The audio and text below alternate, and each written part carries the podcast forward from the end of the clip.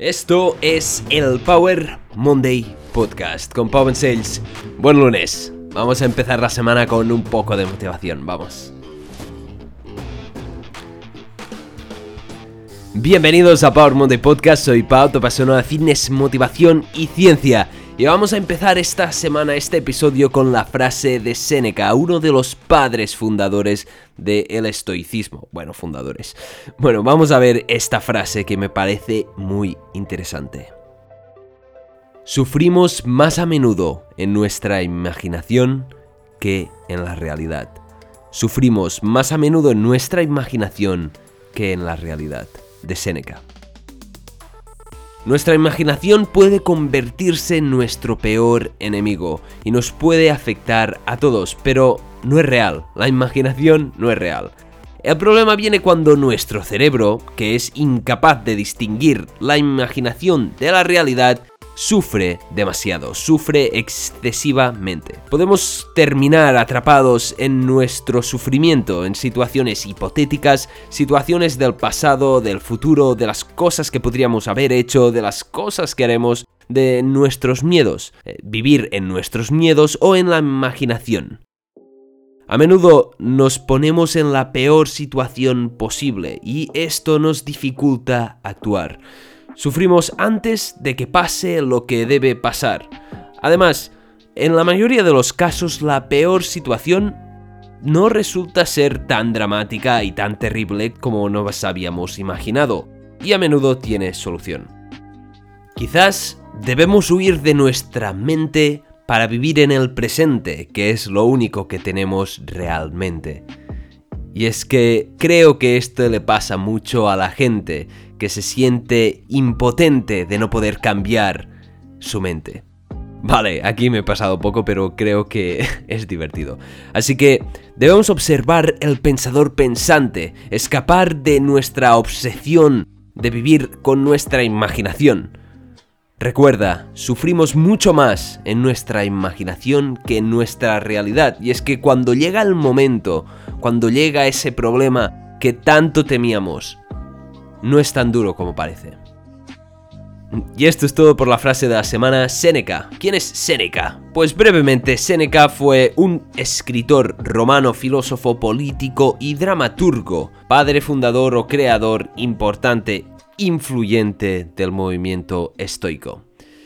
Sus obras siguen siendo analizadas hoy en día, como todos los grandes filósofos de la de los, los grandes filósofos griegos, y te recomiendo que eches un vistazo a su filosofía.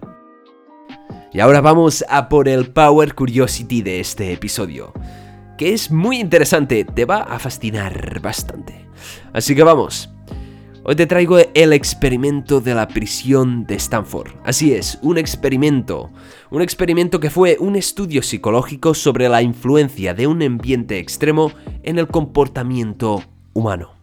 En este caso, la vida en prisión y las conductas que desarrolla el hombre, bueno, ser humano, dependiendo de los roles sociales que desarrolla cada persona, es decir, los roles de prisionero o guardia.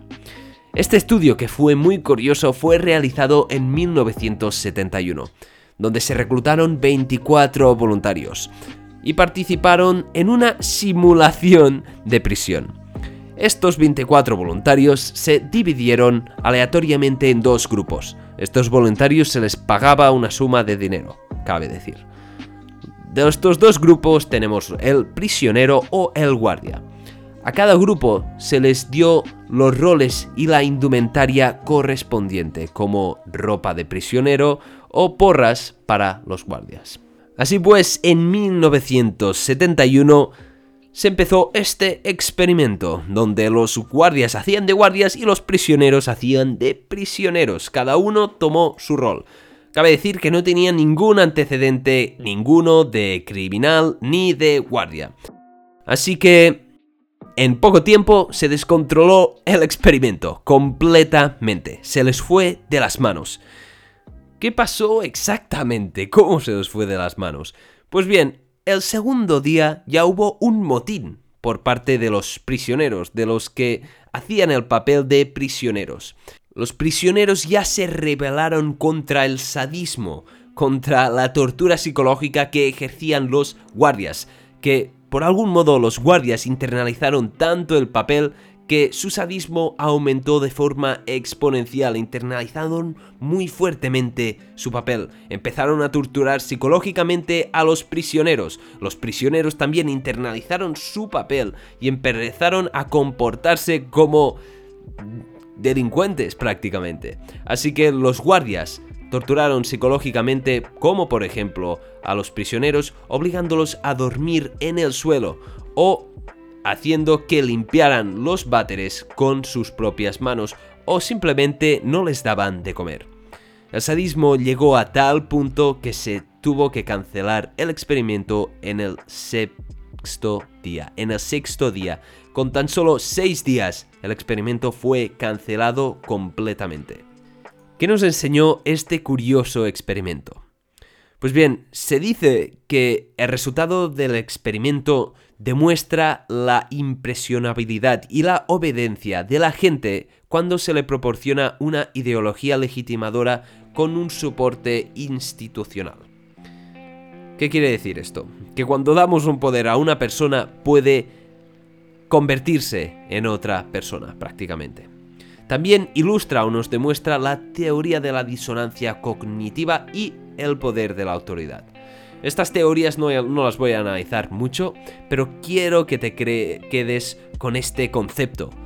Como en tan solo seis días, personas sin antecedentes, sin historia, cogieron un papel, un rol que se los dio de guardia o prisionero y empezaron a comportarse como tal. Hasta tal punto que tuvieron que cancelar el estudio. Por lo tanto, esto nos hace reflexionar ¿Las prisiones funcionan como funcionan por los roles que se atribuyen o realmente porque hay delincuentes y guardias? ¿Hay malos guardias o tan solo hay malos roles?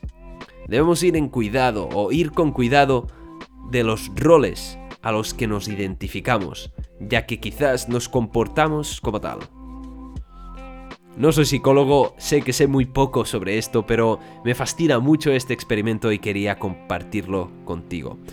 Y ahora quiero hacerte una pregunta. ¿Crees que nos comportamos en función de nuestro ambiente y los roles que se nos dan? ¿Crees que te estás comportando con el rol que has atribuido a tu identidad o el rol que ha atribuido la sociedad a tu perfil? Como por ejemplo, eres un hombre, tienes que comportarte como tal, tienes que adoptar este rol, este, esta identidad. Así que vamos a reflexionar un poco sobre cuáles son nuestros roles en este mundo. Y el experimento cabe decir que tenía algunos problemas, algunos conflictos de dinero, algunos conflictos de... Mm, bueno, prácticamente fue clasificado como un atentado a los derechos humanos. Por eso también se canceló. Fue uno de los factores por los cuales se canceló. Pero si quieres más información la puedes encontrar en internet. No voy a hacer una revisión muy extensiva de este experimento. Tienes libros incluso sobre esto. Pero me parece muy interesante. Así que nada, recuerda que sufrimos mucho más en nuestra imaginación que en la realidad. Y el experimento de la prisión de Stanford es uno de los experimentos más conocidos de la historia de la psicología. Así que nada, si puedes, échale un vistazo.